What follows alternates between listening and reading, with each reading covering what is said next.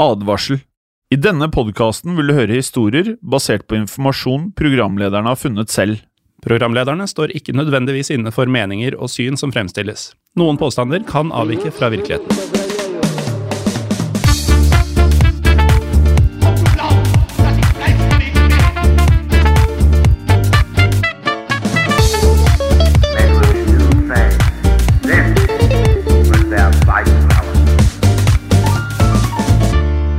Og velkommen til historie på den andre verdenskrig. Mitt navn er som alltid Jim Fasheim. Og jeg er Morten Galaasen. Hei, Morten. Hei, Jim. Eh, hvordan står det til? Jo, bra. Jeg ble litt tatt på senga av at vi har blitt amerikaniserte i fornavna våre. Men ellers så ser jeg fram mot lysere tider, både tiltaks- og værmessig. Deilig. Og jeg vet jo eh, at du er ikke bare glad, men ekstremt glad i å reise. Ja, Og nå har du endelig fått liksom bare flakset med vingene dine igjen. Og hvor er du har fløyet nå? Du, nå har jeg fløyet til eh, Jeg fløy egentlig til Irland, Jaha. men tilbrakte mesteparten av tida i Nord-Irland. Ja. Eh, Så jeg har kryssa opp til flere grenser eh, i det siste, og storkos meg. Det er eh, nesten som om ting er som i gamle dager, da Ja. ting var gøy. Ja. La meg, har du vært i Irland før? Nei, Nei, så er første turen. det var første turen, så jeg fikk jo da to nye land på, på lista mi. Og, Hvor mange land føler du at du kan si at du har vært i nå? Som jeg føler at jeg kan Eller har du kontroll? Ja. Oh, ja. Jeg har vært i um, 39 land har jeg nå. ja. Det høres meget ut. Det er jo en del, men uh, jeg blir jo smågutt eh, i forhold til andre som har samme interesse. Ja, nettopp. nettopp. Uh, vil du anbefalt noen å dra til Irland? Definitivt. Hvis du er glad i Altså, det er mye vind og en del regn, men utrolig trivelige folk. Fantastiske folk. morsom måte å snakke engelsk på. Ja. Og Hvordan snakker dere? Nei, det er jo veldig mye tonefall, da. Ja. eh, Opp og ned. Og litt sånn svelging av eh, vokaler og konsonanter og det som er. Eh, Du har jo bodd i Glasgow selv, som jo ikke er Irland, men de også har jo Altså jeg, eh, Hva skal vi si? Folk fra de britiske øyene og Irland, da. Mm. som ikke er fra London-området. Veldig mye morsom engelsk i alle Ja, ja, retninger, ja. egentlig. Ja, ja, ja. Og så skjønner man det meste, og det er jo fint. Ja. Så eh, det er bra. ja, Eh, Og det er mye irrer i eh, Skottland, det er det. faktisk. Mm. Eh, men eh, ja, du storkoste deg skjønte jeg. Jeg gjorde det. Ja. Eh, og som du sier, forsto det meste av det som blir sagt. Dagens historie, Ja. der er det ikke så mange som skal kose seg, og det er heller ikke språk som noen av oss skjønner noe særlig av. Ja, jeg har hatt det på skolen, men eh, jeg skjønner ikke ekstremt mye av det, bortsett fra enkeltstående ord. Nei, og da snakker vi bare om det ene språket Ja, det som er- snakkes av dagens hovedpersoner. Det er riktig, ja. Mm. For i dagens episode så skal vi bevege oss inn på to forskjellige temaer som opp gjennom historien har eh, engasjert mange, mange. Nemlig fotball og krig. Ja. Og i dag så er da begge temaene en del av samme historie, Morten. Ja, for vi skal nemlig snakke om en fotballkamp som fant sted i 1942, altså midt under andre verdenskrig. Eh, Denne kampen har blitt huska som Dødskampen, og ble spilt mellom det ukrainske fotballaget FC Start og FC Flak Elf, som representerte Nazi-Tyskland. Og For å forklare hvordan et ukrainsk fotballag endte opp med Nazi-Tyskland som motstander, så må vi jo først gi dere som hører på, litt eh, kontekst. Ja, og da kan vi jo starte med Nazi-Tysklands angrep på Sovjetunionen, som Ukraina da var en del av. Den tyske invasjonen som da hadde fått navnet Unternehmen Barbarossa, eller på norsk Operasjon Barbarossa, som da startet 22.6.1941. Og dette angrepet tok Sovjetunionen fullstendig på senga. Operasjon Barbarossa hjem, det har vi snakka om før. Det har vi, så det er bare å Er det i vanlig historiebånd eller historiebånd ja. andre verdenskrig? Nå begynner det å bli vanskelig å svare på, men jeg tror det var vanlig historiebånd. Ja, det tror faktisk jeg. Var det kanskje første episoden av en sesong? Kan hende. Jeg mener det. Men finn eh, vanlig Historiepodden, altså podkasten som bare heter Historiepodden. Mm. og enten søk eller bla til Operasjon Barbarossa. Den syns i hvert fall jeg var veldig fin. Mm. I hvert fall, godt hjulpet av det tyske flyvåpenet Luftwaffe, så kjempa den tyske hæren seg forbi de totalt uforberedte sovjetiske forsvarerne i et utrolig tempo. Og på bare tre måneder så ble flere sovjetiske hærer fullstendig utsletta, og hele tre millioner sovjetiske soldater ble tatt som tyske krigsfanger. tre millioner soldater som krigsfanger, Jim. Det, da har du suksess.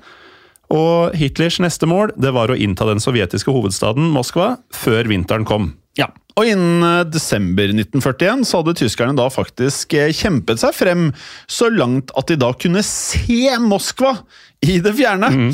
Og visstnok så kunne da tyske offiserer eh, da se tårnene til den sovjetiske regjeringsbygningen, nemlig Kreml. Med da litt hjelp, selvfølgelig, for de brukte da kikkertene. Yes. Men her stanset det likevel fullstendig opp for det tyske krigsmaskineriet. Ja, for da kom den iskalde russiske vinteren, samtidig som én million sovjetiske soldater gikk til motangrep foran Moskva. Og de da slitne og forfrosne tyske styrkene de ble omsider pressa tilbake. Ja, og En av grunnene til at tyskerne ikke klarte å ta Moskva før vinteren kom, var at Hitler hadde gitt ordre om at tyskerne skulle ta seg ekstra god tid på å da først erobre Ukraina. Ja, Ukraina var nemlig et land med en enorm jordbruksproduksjon, og Hitler hadde derfor blitt eh, nærmest besatt av å ta kontroll over de store ukrainske kornlagrene. Eh, Hitlers tanke bak å invadere Sovjetunionen var jo nettopp å ta kontroll over alt av områder med ressurser og industri i øst. Ja, og dette mente Hitler da ville gi Tyskland dette Lebensraum, altså med andre ord plass til å vokse, som var eh, noe av det ble pratet mye om da. Og Hitler så da for seg at Tyskland skulle få 10-12 millioner tonn med korn fra disse områdene, noe som da ville dekke det tyske matbehovet i lang, lang tid. Og dessverre da for ukrainerne så ble derfor store deler av Ukraina, inkludert hovedstaden Kiev, okkupert av tyskerne i 1941. Ja, og For å organisere denne okkupasjonen Morten, så opprettet nazistene noe som de da kalte for Reichkommissariat Ukraina. Og Dette kommissariatet skulle da sørge for at ukrainske ressurser, som f.eks. korn, ble hentet ut av landet og selvfølgelig da sendt tilbake til Tyskland. I denne forbindelse ble den ukrainske sivilbefolkninga, som nazistene da mente var rasemessig underlegne, behandla på brutalt vis. Et eh, stort antall ukrainere ble da drept, arrestert, sendt til konsentrasjonsleirer eller brukt som slavearbeidskraft. Faktisk hele 2,2 millioner ukrainere ble da sendt til eh, Tyskland, der de da ble brukt, som du nevner, eh, som slavearbeidere i eh, krigsindustrien til Tyskland. Og av Ukrainas totale befolkning, som da var på ca. 40 millioner mennesker, så mistet da 4 millioner ukrainske sivile blant de 4 millionene 1,5 millioner jøder livet under denne naziokkupasjonen. Ja, og 1,5 million, det er da, for å sette det litt i perspektiv, som om hele Nord-Norges befolkning plutselig skulle ha forsvunnet. Med andre ord så var dette her eh, ekstremt eh, brutalt, Morten. Morten. Med det sagt så skal vi ta, ta oss videre inn på dagens hovedtema, som nemlig da er eh, det vi nevnte i starten, altså fotball og krig. Eh, og nærmere bestemt en spesiell fotballkamp som blir eh, omtalt som Dødskampen, som ble spilt i Ukraina i 1942. Det var jo da sånn at eh, det fantes jo flere fotballspillere blant den undertrykte befolkninga i Ukrainas hovedstad Kiev. Og noen av spillerne vi skal snakke om i dag, de spilte jo på da et av byen og landets aller beste fotballag, nemlig Dynamo Kiev. Og her er det på tide å dele ut en eh, liten dose til med kontekst, Jim. eh, Denne gangen om ukrainsk fotball og Dynamo Kiev. For siden slutten av 1800-tallet så hadde fotball nemlig rukket å bli en, eh, som man vet, ekstremt populær sport i eh, flere deler av verden, og også i Ukraina. Eh, Og fotball skal visstnok ha kommet til landet via da britiske sjøfolk, som spilte fotball mens de da lå i havn i den ukrainske byen Odessa. Og en lokal ukrainsk professor ble så en tidlig forkjemper for fotballen, og han sørget i 1890 for å få importert den første ordentlige fotballen nettopp fra Storbritannia til den ukrainske byen Lviv. Eh, Godt uttalt. Um, Hvordan ville du sagt det? Nei, altså Det står LVIV, ja. så det ville vært naturlig å kanskje si Lviv. Men eh, jeg har hørt at det faktisk er Lvov. Lvov? Ja, det, det er en del ting på ukrainsk som ikke er helt eh, som vi tenker at Ja. det skal være. Uansett, etter dette så ble det jo fart på sakene, og lokale produsenter de begynte å lage egne kopier av denne ballen. For når du sa den første ordentlige fotballen hjem, så var det faktisk den første faktiske ballen Ja. eh, som man da begynte å ta kopier av. Eller lage kopier av. Og i 1894 så ble så den første offisielle fotballkampen spilt i Ukraina, på en nybygd stadion i det man da kalte britisk stil. Noe som ville si at den hadde terrassetribuner. Ja. Og på relativt eh, få år så vokste fotballen såpass kraftig popularitet at den engasjerte hundretusenvis av ukrainere. Og det ble da også vanlig at man hadde fotballag på forskjellige arbeidsplasser. Og de ukrainske lagene oppsto gjerne på fabrikker, kontorer eller til og med i militærenheter. Ja, og det ukrainske storlaget Dynamo Kiev de ble da oppretta i 1927 og besto først utelukkende av politimenn. Man eh, kan da kanskje se for seg at eh, mange motstanderlag ville ha vært eh, nokså forsiktige med å gå inn i stygge taklinger når de møtte Dynamo. Men som vi skal se, så ble likevel flere av spillerne på Dynamo Kiev eh, etter hvert utsatt for eh, meget stygt spill, da de da møtte nazistene til fotballkamp i 1942. Og mens vi beveger oss mot denne fotballkampen, så kan vi også si noen ord om eh, nazistene og deres forhold til fotballen. Ja, i Nazi-Tyskland så var det jo nemlig slik at det fantes en egen Reichssportführer, eller rikssportfører, som het eh, Hans von Chammer und Osten. Ikke så veldig lenge siden vi snakka om han, Jim. Er riktig det? I, er det for, for to episoder siden? Det er veldig nylig, i hvert fall. Ja. Episoden som bare het uh, Idrett, Idrett. i Nazi-Tyskland. Ja. Eh, han hadde da makt over all sport i Tyskland, og von Schammer und Osten han mente at det å vinne i sport rett og slett var den raskeste og beste måten å forvirre politiske motstandere og bråkmakere. Og dette utsagnet stammer vel å merke fra mellomkrigstiden, men nazistene hadde i aller høyeste grad en lignende innstilling under annen verdenskrig. Og da Ukraina ble okkupert i 1941, så oppløste nemlig tyskerne alle eksisterende sovjetiske fotballklubber i landet, for å da svekke samholdet blant den ukrainske sivilbefolkningen. Dette inkluderte da også Dynamo Kiev. Og For å erstatte disse klubbene opprettet eh, nazistene en nazigodkjent type fotballiga i Ukraina, der man da tillot nyopprettede lag å kunne delta. Og nå har vi kommet til det som blir kjernen i dagens episode. Ja, for i starten av 1942 så ble nemlig flere tidligere Dynamo Kiev-spillere forsøkt rekruttert til det nye laget FC RUK, som forsøkte å samle Kievs beste fotballspillere. Men de fleste av de gamle Dynamo-spillerne de takka nei til dette, ettersom de var skeptiske til treneren som prøvde å sette sammen dette nye laget. Ja, Dynamo-spillerne de mente nemlig at eh, denne treneren, som da het Georgi Dmitrivitsj Svetsjov, var en nazikollaboratør. Hvordan hadde du sagt eh, navnet hans? Jeg tror ikke jeg kunne gjort det noe bedre. Men jeg ville kanskje prøvd på Georgi Dmitrijevitsj eh, Svetsov. Ja, det Ganske likt, egentlig. Ja. Og spillerne de mente da at Georgi var en slags nazikollaboratør, som er noe vi da skal komme nærmere tilbake til. Ja, og blant spillerne som takka nei til Svetsov og FC RUK, var den populære keeperen til Dynamo Kiev, Nikolai Trusevitsj. Og Trusevic han fant seg i stedet jobb på et lokalt bakeri, som het da Bakeri nummer tre. Og det tok ikke lang tid før han fikk sitt jobb til flere av Dynamo Kiev-spillerne på nettopp Bakeri nummer tre. Ja, og siden maten i Kiev ble rasjonert under okkupasjonen, så var bakeriet nemlig en sikker kilde til mat for både spillerne og familiene deres. Og på bakeriet fikk spillerne også en bakerisjef, den tilsynelatende østerrikske Josef Kordik. Ja, og han eh, oppfordret snart de tidligere Dynamo-spillerne til å danne et nytt fotballag. Ja, altså Grunnen til at jeg sa tilsynelatende, Jim, det var at Josef Kordik eh, innrømte etter andre verdenskrig at han egentlig var tsjekker. Ja. Han hadde da lurt nazistene til å tro at han var eh, fra Østerrike med ukrainsk kone, siden nazistene behandla østerrikere bedre enn tsjekkere. Men eh, uansett om nazistene visste dette eller ikke, så syntes fotballspillerne som jobbet på bakeriet hans at Kordik hadde kommet med et veldig godt forslag. Så de oppretta derfor dette nye fotballaget, som fikk navnet FC Start. Og det skal vi høre mer om etter en kort pause. Velkommen tilbake. Før pausen hadde vi kommet dit at dette nye laget, FC Start, ble ironisk nok, startet. Det ble da rekruttert flere spillere til laget, annet fra laget Lokomotiv Kiev, som også hadde blitt oppløst av nazistene.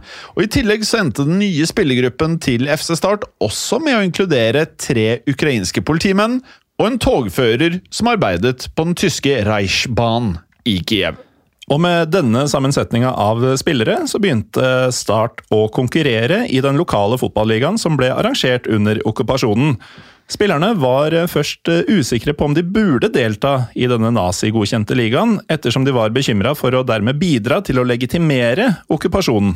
Ja, De konkluderte likevel med at fotball kunne gi befolkningen i Kiev et nytt håp, og bestemte seg derfor for å delta. Og Kildene våre Morten, de forteller at eh, FC Start deretter spilte syv kamper i løpet av juni og juli 1942. Dette inkluderte da kamper mot eh, to ukrainske lag, annet FC Ruk, som vi da nevnte tidligere her, og to ungarske militærlag. Eh, og også da to lag bestående av tyske artillerister og jernbanearbeidere. FC Start vant alle kampene og skåret da 37 mål, og slapp da kun inn åtte. Ja, og 37 mål fordelt på sju kamper, det er jo et snitt på over fem per kamp, eh, så det er jo ganske solide saker, dette her. Og det som gjorde det enda mer imponerende, var at eh, spillerne på FC Start ikke var i den beste fysiske formen på dette tidspunktet. For um, selv om spillerne jo fikk uh, sikker tilgang på mat gjennom bakeriet som de jobba på, så var det jo ikke snakk om rikelige mengder med mat av den grunn. Og som nevnt så henta jo tyskerne ut store mengder ressurser fra Ukraina, og en konsekvens av det var at det da gikk mindre mat til de ukrainske sivile. Spillerne på FC Start var derfor underernærte, i tillegg til at de da også måtte jobbe lange skift på bakeriet. Men likevel så hadde de da nok eh, energi til rett og slett å da knuse alle de andre lagene i fotball. Eh, og her skal da visstnok denne keeperen Nikolaj Trusevic igjen ha spilt en eh, enorm rolle som en skikkelig motivator og også inspirasjon for resten av laget. Ja, og med den inspirerende Trusevic i spissen, så ble FC Start virkelig populære blant befolkninga i det okkuperte Kiev. Og dette var jo da selvfølgelig noen nazistene bet seg merke i. Ja, nazistene skjønte jo da at det ville bli en tysk propagandaseier dersom et tysk lag klarte å slå FC Start i deres eget spill, altså fotball. Og et lag fra det tyske flyvåpenet, Luftwaffe, fikk derfor i oppgave å gjøre akkurat det. Dette laget het FC Flakelf, og skal ha bestått av noen av Luftwaffes best trente og mest fysisk imponerende soldater. Og her er det litt med det som ofte kan dukke opp når man prater om eh, historiske eh, hendelser. Og det er at kildene kan sprike litt eller være uklare. Og kildene våre er ikke helt klare når det da kommer til betydningen av selve navnet Flakelf. Men ut fra det vi da har klart å finne av informasjon, så um, kom antageligvis Flakelf eh, av at eh, spillerne ble hentet fra kanonmannskaper til den tyske luftvernskanonen, som man da kalte for Flak. Ja, og siden det er elleve spillere på et fotballag, så er det da nærliggende å tro at man derfor valgte å kalle laget Flak Elf, som da betyr Flakelver på norsk. Den 6. august 1942 så møttes omsider FC Start og FC Flakelf for første gang til kamp. FC Start vant så denne kampen med du nevnte jo fem i snitt eh, mål. 5-1 vant de over FC Flakelf. Og dette fant jo da nazistene seg selvfølgelig ikke i. Allerede dagen etter ble det hengt opp plakater i Kiev med teksten 'Fußballspiel revansje'. Og på disse plakatene sto det også skrevet at det ville finne sted en omkamp den 9. august. Denne kampen skulle bli for evig og alltid husket som dødskampen. Ja, og billettene til det som skulle bli dødskampen, skal så ha blitt eh, prisa til det som da tilsvarte en halv månedslønn for mange av Kievs eh, innbyggere. Men eh, til tross for dette, så skal folk ha strømma til for å se kampen, som da skal ha gått for helt fulle tribuner. Ja. FC Flakelf eh, forsterket også laget sitt med nye og uthvilte spillere før kampen. Flakelf forventet nemlig at eh, spillerne til FC Start fortsatt ville være slitne, nemlig etter den forrige matchen. På toppen da at de faktisk da var underernærte og hadde enormt lange skift og arbeidsdager. Ja, Ifølge den eh, senere sovjetiske versjonen av kampen, så fikk eh, spillerne på FC Start eh, besøk av dommeren før kampstart. Og dommeren skal da ha vært en nazioffiser som ga beskjed om at startspillerne skulle følge reglene til punkt og prikke. Men da kampen starta, ble det da ifølge den sovjetiske versjonen ganske tydelig at nazidommeren favoriserte FC Flakelf og tillot de tyske spillerne å gå inn i en rekke stygge taklinger. Ja. Målvakten eh, Trusevic han skal da faktisk ha blitt slått bevisstløs av en takling, eh, men likevel da fortsatt å spille siden FC Start ikke hadde en erstatter til Trusevic. Og til tross for dette så gikk det ukrainske laget inn i pausen med 3-1 i ledelse. Ja, og etter et kvarters pause så gikk spillerne ut på banen igjen og fortsatte kampen. Og det mest minneverdige øyeblikket i den andre omgangen var visstnok da startspiller Aleksej Klimenko dribla seg forbi den tyske målvakten.